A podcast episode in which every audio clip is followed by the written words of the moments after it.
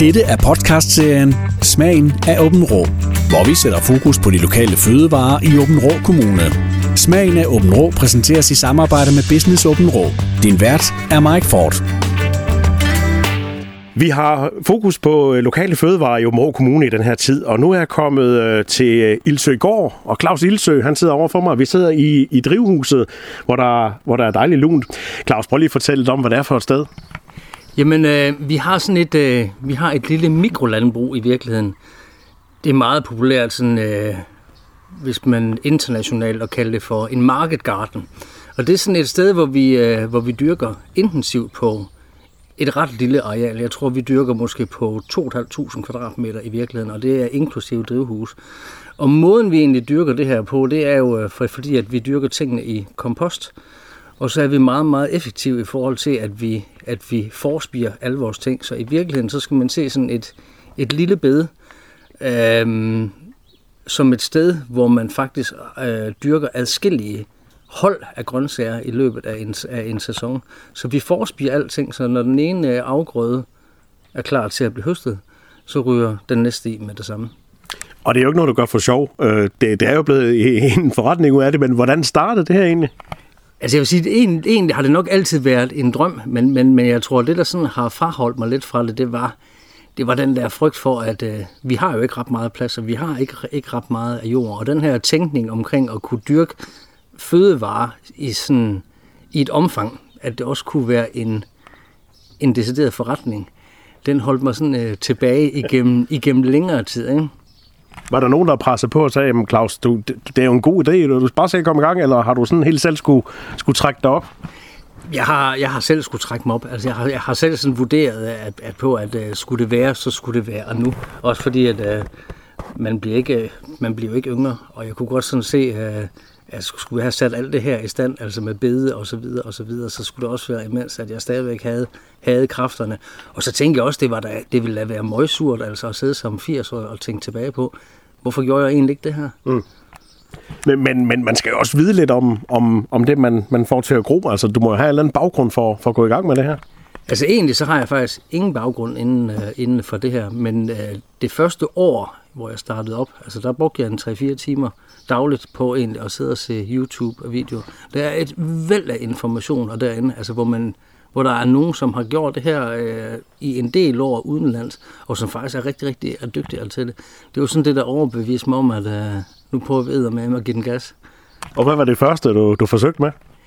Jamen, det var sådan egentlig helt... Altså, vi var meget klare på i starten med, med vores forretningsmodel, at, at det skulle være sådan det skulle være high-end. Altså det skulle være de fine restauranter, øh, som også ville, ville betale prisen for nogle, for nogle udsøgte grøntsager. Noget af det, vi jo, vi jo så dyrker på, er, at vi dyrker mange almindelige grøntsager. Vi dyrker dem bare i en anden kvalitet, og så ofte i, i en anden størrelse. Altså små øh, mikrogullerødder, som, som rigtig mange restauranter vil, vil drømme om at få. Små porer. Øh, udsøgte tomatsorter, øh, som er specielle og sådan noget. Så det er meget øh, det, vi gør, og det er så det, der retfærdiggør, at, at vi kan få en høj pris, men egentlig også det, der gør os øh, yderst interessant for de der fine restauranter. Og nu ser du restauranter, det er ikke sådan, I, I, I har gadesal herude, det er restauranter udelukkende i selv, altså? Øh, det, lige nu er det faktisk øh, udelukkende restauranter. Vi, vi, har, vi har prøvet øh, diverse andre ting. Det private er meget. Vi har stået på torvet forskellige øh, øh, steder. Det har været okay, øh, og det er nogle rigtig søde mennesker, der kommer. Men det har ikke været noget, der, der sådan har kunne der har kunne forsvare, at man bruger eksempelvis en lørdag på det, altså omsætningsmæssigt.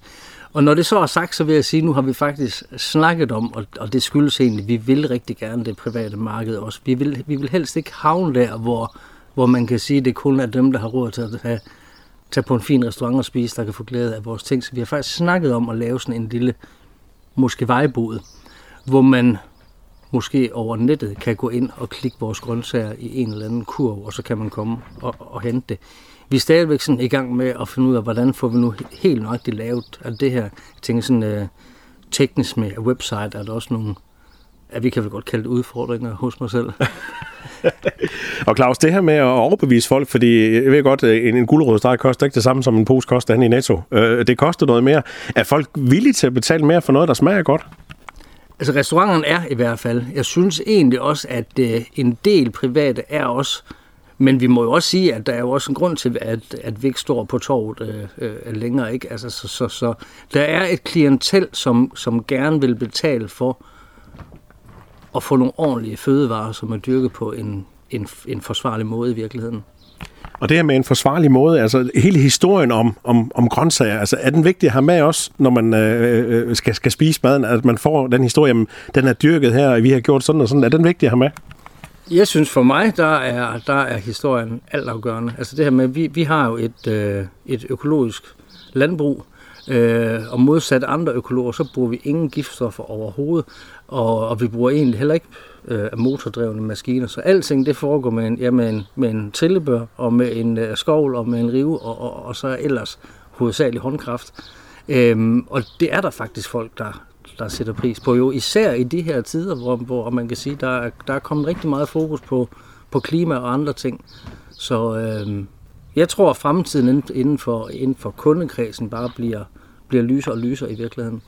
Og det her med, at man har en historie, og, og det bliver dykket økologisk, det er jo ikke nok, fordi det skal også smage godt. Hvad er det, der gør, at, at, at det smager bedre øh, ved dig, end hvis man går hen i brusen? Jeg tror, der hvor vi hovedsageligt kan konkurrere, det er på noget friskhed. Øhm, fordi vi, vi, når vi leverer tingene, og egentlig også hvis vi vil sætte dem ud i, af, af vejboden, så er det typisk noget, som vi vil høste øh, samme, samme dag simpelthen. Så der er noget af friskhed, og så også det der med, at vi dyrker i, i kompost. Vi render ikke og tilsætter en masse kunstgødning og alt øh, er muligt, så, så der er rigtig meget mikroliv, og der er, er, er rigtig mange gode ting i det her øh, jord, som gør, at man bare får en, jamen, en smag, som, som man ikke kan finde andre steder. Da du begyndte på det her projekt, øh, lykkedes det sådan første gang med at få gode grøntsager, eller skulle man prøve sig lidt frem? Jeg synes faktisk, øh, altså overvejende, så synes jeg, at det gik rigtig godt med grøntsagerne. Det er jo klart, der var, der var rigtig mange, øh, der var rigtig, rigtig mange øh, fejltrin, fordi at, øh, for mange der er en gulerod en gulerod og en salat er en, er en er salat. Når man sådan begynder at dyrke ned i det, så finder man jo ud af, at der er jo et, et væld af forskellige sorter. Der er nogen, som er gode til at blive sået i februar eller marts. Der er nogen, der er gode til at blive sået øh, i, i højsommer, hvor der er varmt. Der er nogen, som er gode til at blive sået. Og, og, og selvfølgelig var, var der fejl der. Øh, men, men altså, man, men man kan sige, når man, når man først er dedikeret nok, og når man bruger tid på at, at, finde, at finde ud af, hvad er det så for nogle ting, vi skal dyrke øh, og der og der. Og egentlig også det her med at eksperimentere med sorter, for der, der er også sorter, der, der, der smager bedre øh, end, end, end andre. Det har taget os fire år at finde ud af, hvad det er for nogle tomatsorter, vi, altså, vi vil dyrke. Ikke? Var det også øh, YouTube, der var med til det? Altså, hvor du sådan sad og kiggede på, der var nogen, der prøvede med den, og nogen, der prøvede med den? Altså, jeg vil sige, lige præcis med, øh, med tomatsorter var det, var det faktisk ikke. Altså, det har simpelthen været ved at prøve frem. Og dem, som jeg dyrker nu, er, er, er vel nogle af de mest velsmagende. Til gengæld er det, er det også nogle af dem, som har ry for at give det laveste udbytte. Det gør de, det gør de bare ikke ved, ved os. Vi får egentlig uh, en rigtig god høst af, af de her sorter.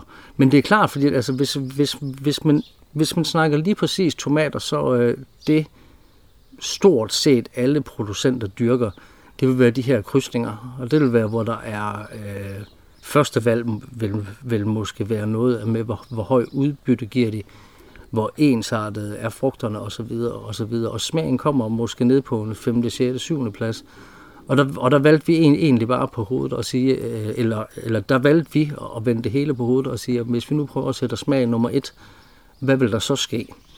Og som siger, så må man leve med et lavere udbytte, til gengæld kan man også få en bedre pris. Og det betyder også, at øh, tomaterne, de ser ikke ens ud?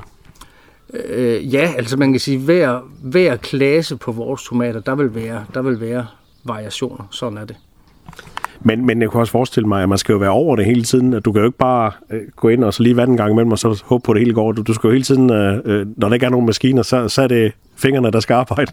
Det er fingrene, der skal arbejde, og det er, altså man kan sige, her fra april og frem efter, altså der er det, der er det syv dage i ugen. Øhm, og sådan kører det egentlig fast. Så kan vi lidt bedre tillade os at, at slappe af, når det først bliver, bliver vinter. Ikke? Men, men, men det er klart, det er det tager lang tid. Altså øh, alene i det drivhus på 150 kvadratmeter, vi, vi sidder i her, der står der 650 øh, cherry-tomatplanter, og der skulle gerne øh, høstes omkring 120 kilo øh, cherry-tomater i ugen.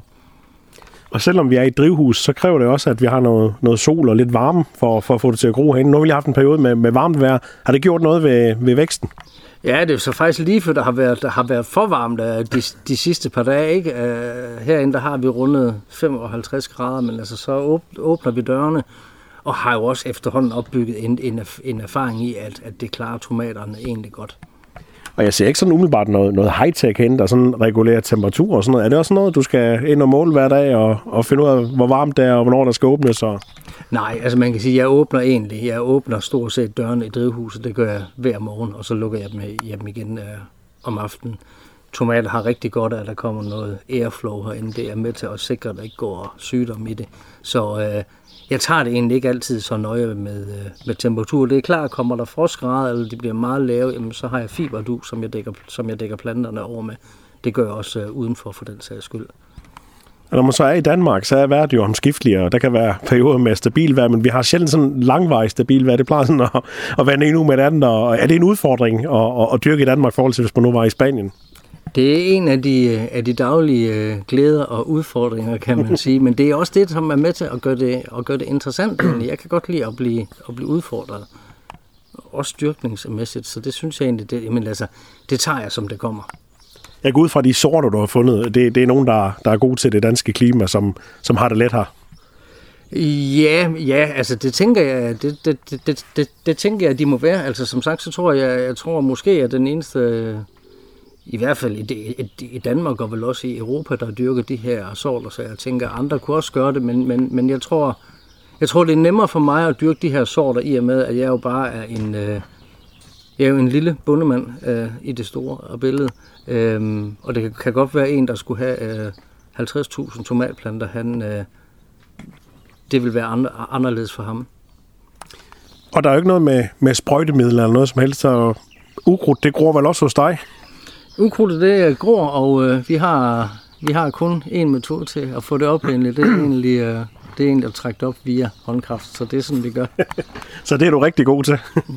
det har jeg efterhånden en vis erfaring i. Jeg er blevet ret hurtig til det. Det er til gengæld også, altså det er jo en af de opgaver, man, man egentlig ikke gider. Men jeg vil så sige med den måde, med den måde, vi dyrker på med de her øh, kompostbede efter no-dig-metoden, så vil jeg sige, at en time i ugen, så når man altså virkelig langt. Det, det jo handler om med ukrudt, det er jo, og, og så snart det er småt, at få det rykket op. Man må endelig ikke lade ukrudt gå i blomst, for så kan man i hvert fald være sikker på, så, så kommer man til at døjes med det mange år frem. Så det handler omkring, når det er småt, at få det holdt nede i virkeligheden. Dette er podcastserien Smagen af Åben Rå, hvor vi sætter fokus på de lokale fødevarer i Åben Rå Kommune. Smagen af Åben Rå præsenteres i samarbejde med Business Åben Rå. Din vært er Mike Ford. Claus, hvordan starter din dag? Sådan går du en, en runde og, og kigger efter ukrudt og efter, hvordan det er gået, siden du gik i seng, øh, om det, der er sket noget i løbet af natten?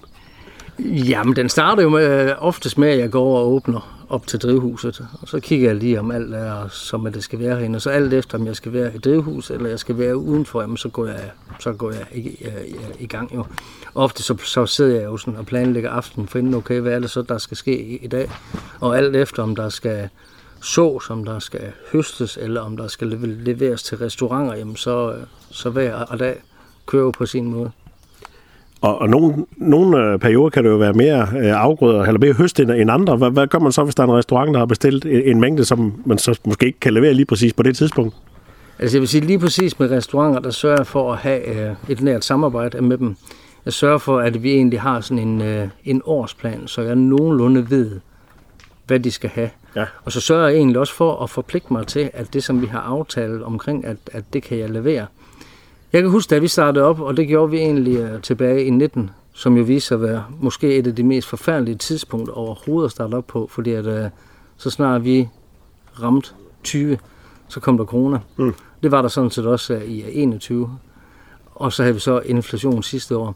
Uh, men man kan sige, det bliver man, man bliver også klogere af det.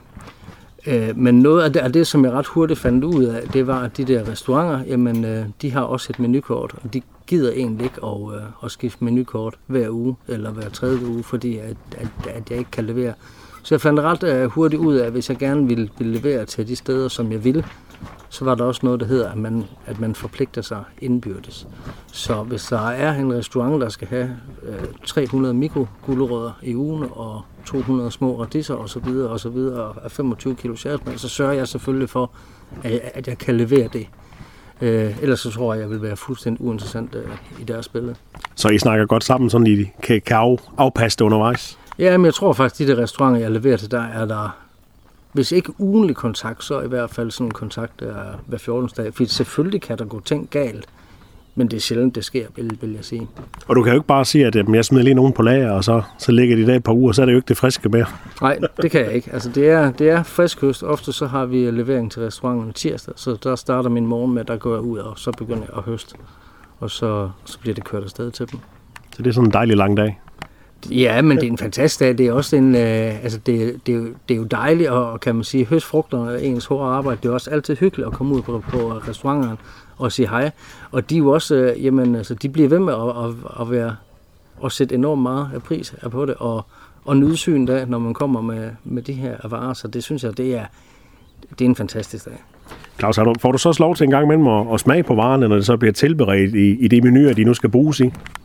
Det gør jeg egentlig ikke rigtig, nej. Ja, det er heller, heller ikke noget, som jeg, sådan, som jeg sådan spørger ind til. Altså, jeg sætter meget pris nogle gange, så, så, så sender de mig øh, billeder af retten.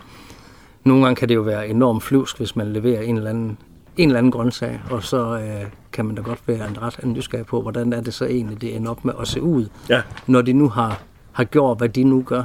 Så der har jeg en del af billeder øh, af liggende, som, som jeg måske også kan bruge sådan til at, at blive inspireret til at se nogle andre grøntsager, som jeg tænker, hmm, måske det der, det rent faktisk kunne passe ret godt øh, på den her øh, måde. Så øh, den der tætte kontakt med restauranter, og det der med, øh, at man sørger for at forpligte sig hver især, og så også noget øh, loyal, loyal, loyalitet, ikke? For jeg tænker altså, lige nu er vi faktisk der, hvor, hvor vi siger nej tak til, til nye restauranter. Øhm, så kan det godt være, at vi vil kunne sælge vores ting til en højere pris til en anden restaurant, en fra København eller et eller andet. Jeg tror, det er rigtig vigtigt øhm, for vores firma. Så det er egentlig også rigtig vigtigt for, for mig. Det er den her indbyrdes øh, loyal, loyal, loyalitet egentlig. Ikke? Det her med, at øh, man støtter hinanden, og man husker også, øh, hvem det er, der rent faktisk bestiller hver uge øh, året rundt. Ikke? Ja. Så det betyder, det betyder meget for os. Betyder det også, at øh, når, når restauranten og deres kok er, er nogle steder hen og sådan bliver inspireret til, okay, nu er det, nu er det ikke tomater mere, nu er det, nu er det en anden øh, grøntsag, der, der er populær. Kommer de så til dig og siger, hvad med at prøve at dyrke det her, det kunne vi godt bruge? Den, øh, den kommer rigtig ofte, ja. ja. Altså man kan sige, det er jo det her, som det tætte samarbejde giver, ikke også? Altså eksempelvis for første gang i år skal jeg dyrke, øh, skal jeg dyrke øh, bøftomater, for ja. der er en restaurant, som... Øh, som gerne ville, ville have dem. Og øh, jamen, den henvendelse kom egentlig tidligt, og øh, hvis de vil have bøftomater, så har vi et samarbejde omkring, okay, hvad, hvad, for nogle sorter? Jeg har gerne nogle sorter, som, som jeg vil dyrke, og så sender jeg billeder af det, og så får jeg som oftest en øh, thumbs up og siger, den ser fantastisk ud. Det prøver vi. Så det er de der sjove udfordringer, der kommer en gang med os? Ja, men det, altså, som jeg sagde, øh, det her med at udfordre sig, altså, sig selv, ikke? Øh, det er jo noget af det, der, der gør det fedt, ikke? Og det er også noget af det, der bliver bedre. Det, det er også noget af det, som gør, at man stikker sig, altså at man stikker ud fra mængden af. Det er, at man ikke bare tilbyder de samme tomater som øh, alle andre, eller, eller de samme guldrødder, eller de samme jordskokker, eller hvad det nu Men at man rent faktisk tænker, okay, der er faktisk nogen, der er mere smag. Det kan godt være, at øh, udbyttet ikke er så højt, men smagen, eller farven, eller noget helt andet, det var interessant. Og Claus, vi er jo ude på landet her i, i Sønderland. Er det meget vigtigt, at det er, er, er lokale øh, råvarer, der bliver brugt i, i restauranten rundt omkring? Slår de meget på, at det er herfra, det kommer? Ja, det synes jeg, jeg faktisk. Altså, jeg synes, øh, jeg synes flere og flere restauranter øh, går op i, at det er lokalt, og markedsfører sig jo også direkte på det. Øh, jeg tror lige præcis, den, den lokale del er, er vigtig. Den er egentlig også vigtig for mig. Det er også derfor, det er også derfor, at vi vælger at have så meget fokus på de restauranter, der er hernede. Fordi der er ikke, altså jeg kunne sagtens sælge alle mine grøntsager til, til Sjælland sikkert. Men jeg synes bare, at vores princip omkring den måde, vi dyrker på, omkring de ting, vi gør, omkring det, vi tror på, det er meget vigtigt, at den ikke bliver, ud, bliver udvandet simpelthen. Fordi lige pludselig så bliver det, altså så kommer det til at, at handle om, om, om, om kun at tjene flest mulige penge. Og så er spørgsmålet, om jeg ikke bare skulle finde mig noget andet at lave. Altså bliver produktionen for stor, og så er det ikke sikkert, man kan levere det rigtige produkt med. Præcis, præcis. Og så tror jeg, så falder man i den der fælde med, og så begynder man udelukkende at dyrke grøntsager, som, som, som giver et højere, et højere udbytte. Og det har aldrig været meningen. Det har det ikke. Altså hernede, der, øh, hernede kan man sige, der, er det, der gælder det om at dyrke øh, de grøntsager af absolut højeste kvalitet, og så, øh, og så dyrke mindre af det, men så sørge for at have nogle kunder, som vi så kan levere til. Claus, skal vi lige prøve at gå en tur ned og kigge, hvad du har i, i drivhuset egentlig? Fordi ja, tomater fylder jo øh, en stor del. Hvad, hvad er der ellers, øh, du, du har gang i lige nu? Jamen man kan sige, at tomater herinde kommer til at fylde det hele. Ja. Det gør det. Der går ikke mere end, øh, der går ikke mere end 14 dage, så er det her drivhus, det er tæppebumpet med tomatplanter, som kører i det der rækker. Der står jo diverse, øh, der står jo diverse tomatplanter rundt omkring i bakker her nu, som er klar til at, at blive plantet ud. Så står der også nogle af alle mine... Øh, jeg har en hel del øh, grøntsager fra Andesregionen. Øh, dels fordi jeg synes, det er vanvittigt sjovt, men egentlig også fordi det er noget af det, som øh, restauranter også gerne vil have. Øh, der er alle mulige øh, sjove farver af, øh, af knolde, som de sætter, øh, som smager fuldstændig forrygende. Nogle er i syrefamilien, andre er i, øh, i myntefamilien, nogle er i tallerkensmækkerfamilien, og nogle har helt deres egen, øh, helt deres egen slægt. Det er faktisk lige for, jeg skulle prøve at se, om jeg har et billede, så du kan prøve at, at se lidt af det. Det ved jeg godt, det kan lytteren ikke, ikke rigtig få med. Så må vi prøve at beskrive det lidt. Men øh, jeg skal lige prøve at lure her, jeg er sådan lidt rimelig, rimelig sikker på, at, øh, at der kommer noget. Det her det er jo sådan en øh, oka, som giver os. Det er den, der er i syrefamilien, som sætter sådan nogle knold under neden. Det ligner en, en rød kartoffel et eller andet sted. Ja, det gør det lidt. De er, er noget mindre, Ja. øh, øh, men er jo sådan en, en, en rigtig gourmet ting, ikke? Jeg se, om vi har nogle andre billeder her af, af noget. Det er jo den her, som er i uh, tallerkensmækkerfamilien. Hvad, det, det ligner et, et løg, umiddelbart. Ja, fuldstændig. Ja. Den hedder Mashua, og også noget, som, øh, jamen, som kommer under jorden, og som man typisk høster der omkring november. Øhm, har en meget, meget speciel smag. Næsten en smag af sådan noget øh, asparskartoffel gange med estragon og måske artiskokker og noget peberrod. Altså, Og det, det lyder som en rigtig god smagsgiver der. det er sådan en, øh, altså, det er jo smagen af en, af en bayonnaise sovs simpelthen. Så Er det, er, det, øh, er det en ny ting, eller har du prøvet at dyrke før? dem har, dem har vi dyrket før, men det er første gang i år, at vi dyrker så meget, at, øh, at vi begynder at levere det sådan i større stil til restauranterne. Ja. Tidligere har det mere med, sådan med, nogle, med nogle få kilo, ikke? Men øh, det er så nogle, som vi i år kommer til at, at lave rigtig mange kilo af. Så øh, at nogle gange, når det kommer de her først- så er man vel også nødt til at prøve, om det kan lade sig gøre, inden man siger ja tak til den helt store produktion, eller ved man bare, at det lykkes? nej, det ved man, man ikke, og der er også, der er også mange ting, som, som jeg i virkeligheden siger, Anders siger nej tak til. Altså, altså eksempelvis dyrker vi, vi dyrker meget få større kål, altså eksempelvis vi begynder at snakke øh, blomkål og altså sp- specielle øh, blomkålsorter og specielle øh, hvidkålsorter og så videre, fordi at de tager rigtig meget plads øh, i, Ja. ja. i, i, vores bede, og noget af det vi jo ikke har ret meget af, det er det er, øh, det er, er plads, og sådan en, en kålplant, den fylder bare alverden i et øh, bede. Så Det, det, det er ikke sådan noget, som at vi gør ret meget i, også, også fordi at den pris, man, selvom man vil kunne få en højere pris, så har, så har vi alle sammen været i, vi har alle sammen været i, uh, i butikkerne og se, hvad et blomkålshoved koster. Og selvom man, om man skulle få det dobbelt for det, så ville det stadig være en dårlig forretning, hvis man regner ud den plads, som, som vi rent faktisk bruger på det. Som andre ting ikke kan gro for. Ja, præcis, præcis. Og så græskar og sådan noget, det kaster man sig ikke over. Vi gør ikke i, Nej. i hvert fald. Altså, jeg tænker, det er der sikkert andre, andre der gør, men det er ikke, det er ikke Det er ikke noget... jeres... Øh... Nej, det er ikke sådan noget, øh, vi beskæftiger os med. Så har vi her, der har vi øh, vores små øh, babyzucchinier, som er på, på, på er vej op. Ja, Grundlæggende set er det jo bare sådan en, øh, en øh, koket, som vi så høster i ministørrelse. Nærmest som en, øh, ja, lidt større end en tommelfinger måske. Øhm, og det er voldsomt efterspurgt. Altså vi laver rigtig mange, vi laver rigtig mange af babyzucchini, og har også derfor i, i år sat væsentligt flere af planter, for det er noget, som restauranten rigtig gerne hvad, hvad bruger de det til? Øh, pas. Ja. Det er i sovs og alle mulige sjove ting. Nej, jeg tror, jeg tror, som jeg, jeg tror næsten, de laver sådan, de serverer en baby zucchini helt faktisk. Okay, ja. Det tror jeg egentlig, at, øh, at de gør. Måske de, de griller den i kort tid. Så har den en god, øh, kraftig smag. Øh, ja, måske. Jeg ved det ikke. Men øh, de er i hvert fald efterspurgt. Ja. Og det, man kan sige, forskellen på sådan en baby zucchini og så noget, det er en koket. Sådan en koket kan godt blive sådan lidt, lidt træ i det og sådan noget, mens at, øh, altså de her zucchini, det er jo næsten ligesom at sidde med en teske i en avocado, ikke? Ja, så de bliver helt... Øh, Det er virkelig, virkelig lækkert. Det lyder godt.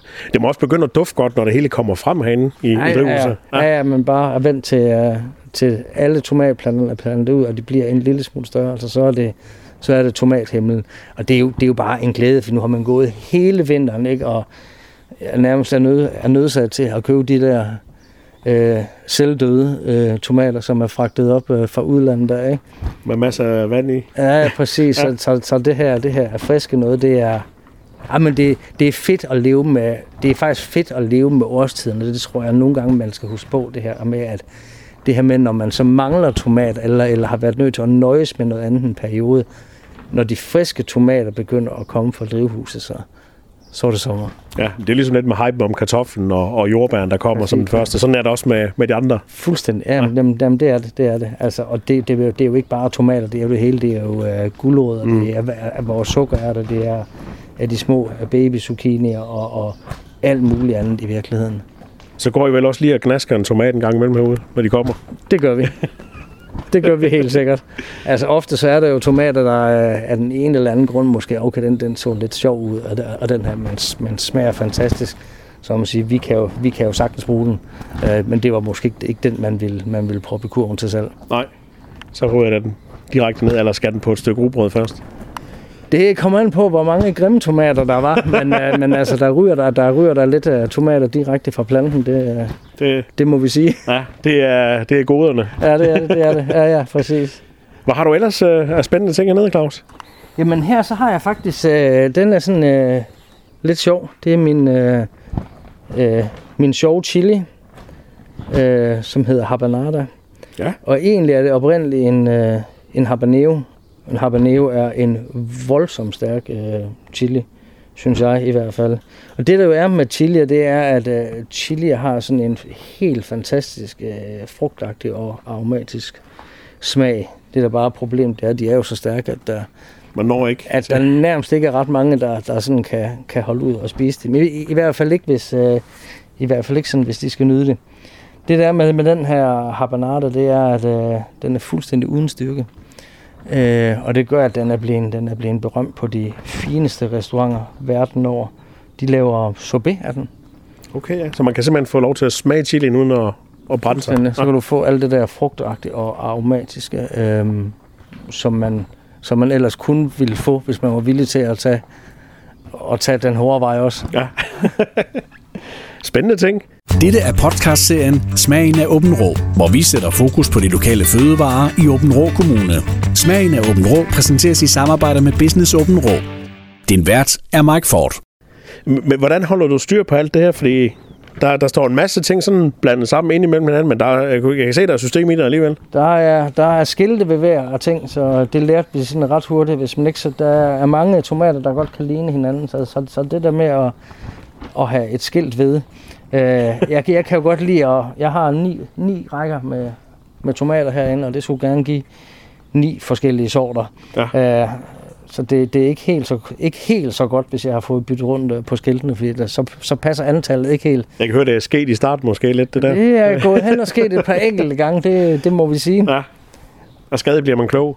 Ja, ja, men også fordi, at vi laver jo vores uh, tomatmix, uh, som vi sælger til, uh, til restauranter, og, og det bliver hurtigt træls, hvis der lige pludselig er for mange brune tomater, eksempelvis uh, i kassen. Ja. Så uh, Så orden i det alligevel. ja, ja, men præcis, præcis, det skal der være. Når du sådan går en runde derinde og, og skal sørge for at vande, og, og sådan, øh, har du sådan en fast rute, du går ind i drivhuset? Mm, Nej, det har jeg faktisk ikke. Jeg tager det sådan lidt som, øh, som det kommer. Også fordi, at øh, man kan sige, at det er ikke alting. Øh, nu står der rigtig mange øh, bakker af alt muligt andet end tomater også. og det kan sagtens være sådan, at nogle af, nogle af bakkerne skal have, og andre skal ikke. Så, så det bliver sådan lidt efter, hvad jeg kan se, der, der trænger til lidt kærlighed. Det, kan du, det har du styr på. Ja, ja, fuldstændig. Og så kan jeg se her, der, der er sådan et plads i drivhuset nu, hvor, hvor der stadigvæk er jord. Ja, ja, ja. Ja. Men øh, Ja. resten af drivhuset, her, det, det, det, det, får sådan et, øh, det får lige et lag på en øh, 15 cm kompost også. Altså det her, det her, det bliver ryddet, det gør det øh, i den her uge sikkert. Så kommer resten af, af øh, komposten ud. Og så er vi egentlig ved at være nået så, så langt her, at så skal resten af tomatplanterne i jorden også, fordi så kan jeg bedre koncentrere mig om, om flere ting udenfor. Ja. Altså man kan sige, normalt så skal det jo gerne være sådan at meget af drivhusarbejde, det er det, man laver på de dage, hvor der er dårligt vejr, når, Ja. det, når det regner eksempelvis. Ikke? Så, øh, men det er klart, lige her nu, der, der, der er drivhuset, det, det tager lang tid. Jorden, kompostjorden, hvor, hvor får I det fra? På stedet i det hele selv? Efterhånden der laver, efterhånden der laver vi, vi, vi faktisk vores, øh, vores jord og selv. Og ja, altså vi har jo alene på, på det her, der er enormt mange blade eller toppe, eller hvad det nu end er fra vores grøntsager. Egentlig også ukrudt, som vi så komposterer os selv. Og så laver vi sådan en, en rigtig lækker jord her. Og hvis man nu derhjemme har sin kompost i haven, og der er sikkert mange, der har en kompost, men så får man ikke det brugt, så ligger det bare en stor bunke jord nede i hjørnet, og det er en dum ting. Ja, altså hvis man ikke bruger sin kompost, det er jo næsten det er jo næsten blasfemi, fordi at, øh, det er noget, altså det er, det er, er faktisk et ret værdifuldt materiale, øh, og grøntsagerne, de vil, de vil elske det. Man skal bare drysse det på jorden i haven, så... Eller skal man grave det ned, eller hvad gør man? Jamen, jeg laver decideret, øh, jeg laver decideret øh, mine abede af det. Når jeg etablerer et nyt øh, abede, så er det faktisk udelukkende kompost. De bede er typisk 75 cm brede, og så lægger jeg måske 25 cm øh, øh, kompost på. Og som man siger, så er bedet etableret. Så vil det jo sådan fortsætte med at nedbryde sæsonen igennem, og så året efter, så ligger man måske 5 cm kompost på, og så kører det egentlig sådan, så, så til sidst så er det sådan, så skal man egentlig bare tilføre måske 2 cm kompost hver år, og så kører bedet. Og så ellers sørge for at luge ukrudt selvfølgelig. Ja, fordi det er der jo meget af en kompost. Jamen det er der, det, Jamen, det er der alle steder, og, øh, og det kan komme fra marker, det kan, kan komme fra naboen, det kan, kan komme fra græsplænen, så det er jo frø, der, der spreder sig. Ikke? Så jeg kan godt lige at høre fra en professionel også, at der er ikke nogen nem vej. Man kan ikke bare snige sig udenom de der ukrudtsplanter. Nej, det er der ikke. Altså, det er det. Der er i hvert fald ikke nogen, øh, der er i hvert fald ikke nogen nem vej med god samvittighed, fordi Nej. Selvfølgelig kan man sprøjle, og man, ja. ja. og man kan mange ting, ikke? men altså, for os der er det, jamen det, det, det er det sure arbejde, og det er ned og så rykke ukrudtet op. Men så er det jo glæden ved, når der kommer noget op af jorden igen. Der Ja, ja, man har- præcis, præcis. Øh, Clausen, øh, fremtiden, fordi du, du har været inde på det, at, øh, der, er at der er den plads, I har her. Øh, I har ikke sådan en ambition om at skal have en masse produktion i gang. Øh, bliver I større, eller bliver det sådan, som det er nu? Øh, jeg vil sige som vi, vi kommer nok til og Jeg har stadigvæk lidt jord, der kan dyrkes på, altså hvor, hvor, der, hvor, der, hvor der lige nu er græs, så vi kommer til at udvide en smule. Men vi kommer ikke til at køre ud over... Altså vi kommer ikke til at køre ud over, over øh, vores, vores grænse, kan man sige. Vi bliver på den jord, jord, vi har, så det maks, vi vil kunne dyrke på, det vil måske være 3.000 kvadratmeter, og det vil, det vil være det, det, det, det bliver holdt nede på. Altså jeg har aldrig haft nogen ambition omkring at, øh, at skal være den største, men, men jeg vil rigtig gerne være den bedste. Og det der med at være den bedste, har du sådan fået nogle priser? Har du fået nogle diplomer? Er du kommet så langt, for du har ikke været i gang så længe? Nej, det har jeg ikke. Nej. Jeg, ved heller ikke, om, om, om, om det er noget, øh, man får. Og egentlig heller ikke noget, som jeg, sådan, som jeg sådan stiler efter. Jeg ønsker egentlig bare at, altså at gøre det her og fedt og blive ved med, at det her det er, et, øh, er et enormt attraktivt samarbejdssted for, for diverse af de der rigtig lækre restauranter. Så er det egentlig pris nok i sig selv. Og det står jo på menukortet, hvor, hvor grøntsagerne kommer fra. Det gør det i hvert fald Ja. ofte. Det, det, Ja. gør, det gør det ofte, ja. Så hvis man ser Ildsø går og har fået en god grøntsag, så kan man komme herud og sige, at det var sgu godt, der. Ja, det kan man lige præcis. Lige Og, præcis. og det er med en diplom i virkeligheden. Ja, ja, ja, ja, ja, ja men, men et, et eller andet sted er, er det jo sjovt, fordi jeg kan huske, da vi, da, da vi, øh, da vi startede op, altså der var restauranter, der, der øh, sagde, jamen, så havde de stået og lavet en, jamen egentlig en ret dyr menu, og, og øh, altså med noget, med noget lækkert kød til, og, og, og de, diverse ting, ikke? Og det eneste gæsten egentlig, egentlig snakker om er bagefter, det var den der lille bitte gulerod til to en, en, en halv kroner. Det var den, der var god. Ja, det er jo sådan noget, der er fedt. Ja, så har man gjort noget rigtigt. Ja, præcis, præcis. Hvad skal du lave resten af dagen, Claus? Jamen, øh, inden du dukkede op her, der var jeg faktisk i gang med at øh, flytte ud. Lige her, der har der stået en masse planter, så det skal jeg videre med. Øh, så jeg skal have ryddet ud her, og så skal jeg til at begynde at, øh, og har kørt mere kompost ud, så jeg kan, kan komme i gang med de, med de sidste planter her. Skal vi ikke lige prøve at se, for jeg har faktisk nogle radisser her, så vi ikke prøve at se, Jo, om, ja, lad os- om, ja. om, de er ved at være De er... om, om der de... skulle være nogen, der var ved at være klar. Altså, hvis der er det, så bliver der i hvert fald nogle restauranter, der bliver, der bliver rigtig glade i morgen. Skal vi prøve at se her. Hold op, ja, det... Den er meget... Det er en flot rød farve, den har. Er sådan rigtig Ja. ja. lækker, rigtig lækker, næsten, næsten lilla radisser, ikke? ja. Og øh, det, er jo, det er jo så noget, som er, som er rigtig fedt for mange restauranter at få, ikke? For det er altså noget, man ikke, man ikke kan købe andre, andre steder. Og det er lige nu, der er sæson for radiser. Ja, altså vi, vi kører, vi har faktisk nogle, nogle gode år, har vi egentlig kunne køre radiser øh, jamen fra forår til efterår, også øh, sommeren igennem.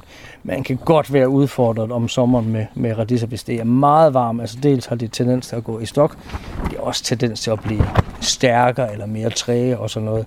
Men, øh, men altså, vi satser på, at vi, vi kan køre igennem. Radiser er i hvert fald noget af det, af det, som de her runde, flotte farver, er noget af det, som altid er enormt efterspurgt. Så øh, og du kan, kan selv se dem. Jamen, de ser, de ser flotte ud. Ja, Det, enormt flot. Altså, hvis man ikke kan lide radiser, man får næsten lyst til radiser bare ved at se på, på dem her. Det... det, det ligner forår. Præcis, det gør det. Og også det der, jeg var så glad, når du hiver det op af jorden også. Altså, det, det, det er også... øh, Når, når der er noget, der gror, man tager det op, det er, det er også noget helt specielt. Man siger jo gerne, at forventningens glæde er den største, og det er den altså også her. For nu har jeg ikke luret mig, så går man hen der og ser og tænker, det bliver rigtig godt det her. Ja, uden at have smagt. Ja, præcis, præcis. Men jeg kan dufte. Du kan dufte, de er... simpelthen de, duft, den, den, den er lækre. Radisesmag. Ja. Jamen, øh, fantastisk. Claus, øh, det bliver en travl sæson nu her. Du går ind i med, med forår og sommer. Der, der er vel, det er vel en travlste del af året. Ja, det bliver rigtig travlt, fordi det er, det er første år, vi har, det er første år, vi har så mange restauranter på, og vi har også nogle restauranter, som har bestilt, altså som har bestilt virkelig meget hver uge. Ikke? Ja. Øh, så det bliver, altså det bliver, det bliver fuldstændig fantastisk. Det, det, det bliver suverænt vores, øh, vores bedste år nogensinde. Øh, og det er jo sådan, det, det skal være. Nu har vi været i gang i fire år, så nu tænker jeg, nu skal det ned med med have. Ja, nu går inflationen også den rigtige vej. Corona er væk, så nu, nu skal det bare blive helt normalt det hele. Ja, men det er jeg ikke, ikke spor i tvivl om, at det bliver, det bliver rigtig godt det her. Claus Ilsø, tak for øh, besøget, og øh, god arbejdsløst. Jamen selv tak, det var rigtig hyggeligt. Dette var en podcastserie Smagen af Åben Rå. Præsenteret i samarbejde med Business Åben Rå.